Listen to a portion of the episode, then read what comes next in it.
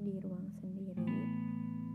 Ini podcast pertama aku yang bakal aku bikin beberapa episode yang berdasarkan pengalaman-pengalaman pribadi ataupun pengalaman-pengalaman teman-teman juga yang sama ceritanya kayak aku.